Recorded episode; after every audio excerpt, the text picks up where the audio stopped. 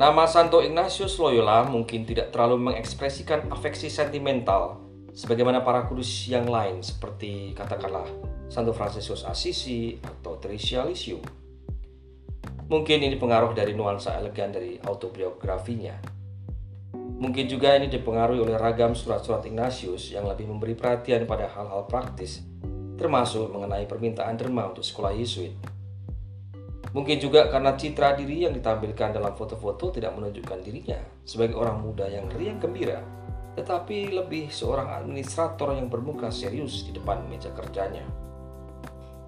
Meski demikian, sebuah lukisan dari pelukis bernama Peter Ruben yang sekarang terpajang di Museum Norton Simon, California, malah menggambarkan Ignatius sedang memandang langit dengan jubah warna merah yang agung dengan wajahnya meneteskan air mata kegembiraan Ruben bisa jadi malah punya wawasan inspiratif yang lebih baik tentang sosok pribadi Ignatius.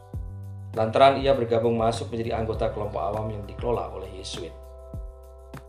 Dewasa ini, banyak orang menggambarkan Ignatius sebagai pribadi yang afektif, suka tertawa, dan gampang tersentuh, hingga bisa sampai menitikkan air mata selama ekaristi atau dalam doa. Namun tetap saja beberapa Yesuit zaman ini memandangnya sebagai sosok bapak yang tegas. Seorang Yesuit lansia suatu hari pernah berseloroh. Saya tidak masalah, Yesus akan mengadili saya kelak.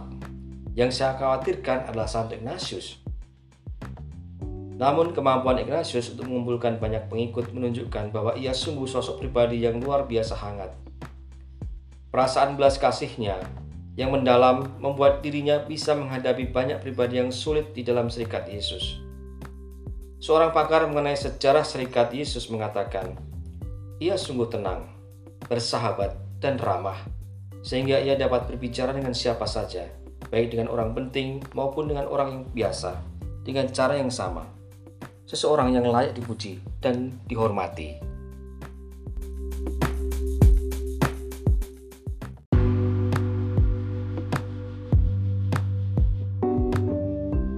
Pendiri Serikat Yesus ini adalah pribadi yang ambisius, bekerja keras namun pragmatis, ingin cepat bertindak.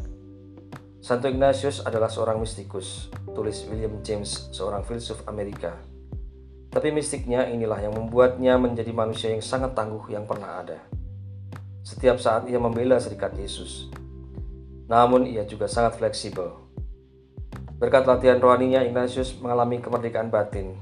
Ia menganggap dirinya lepas bebas bahkan terhadap serikat Yesus.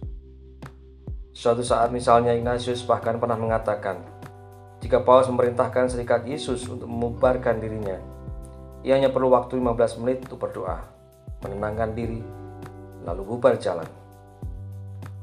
Mungkin menjadi sesuatu yang berlangsung secara kebetulan dan malah tepat bahwa Ignatius keburu meninggal ketika tahta suci benar-benar membubarkan serikat Yesus pada akhirnya. Kekuatan besar jalinan politik Eropa pada waktu itu berhasil memaksa Paus untuk membubarkan Serikat Yesus. Terlebih karena kekuatan politik sipil Eropa ini sangat mencemaskan militansi kesetiaan para Yesuit ini secara universal, apalagi ketaatan mereka yang berlebihan pada Paus hingga membuat kekuatan politik sipil Eropa ikut dilemahkan. Pada tahun 1773, Paus Clemens ke-14 secara formal mengeluarkan dekret Dominus Ac Redemptor sebagai dasar hukum untuk membubarkan Serikat Yesus. Namun, penguasa Rusia Katrina Agung bukanlah pendukung setiap Paus Clemens. Karena itu ia pun menolak mentah-mentah desakan Paus untuk juga mengundangkan dekret pembubaran ini di Rusia. Ini berarti secara legal Serikat Yesus tetap eksis dan bertahan di Rusia. Setelah empat dekade, Ekskalasi politik berubah dan para Yesuit ini yang masih berkomunikasi satu sama lain dalam masa pembubaran akhirnya direstorasi kembali pada tahun 1814. Tidak semua pihak senang dengan restorasi Serikat Yesus. Dua tahun kemudian, John Adams menulis kepada Thomas Jefferson, saya tidak suka dengan direstorasinya kembali Serikat Yesus, tulisnya. Bukankah kita tidak ingin bahwa mereka hadir di sini dalam bentuk apa pun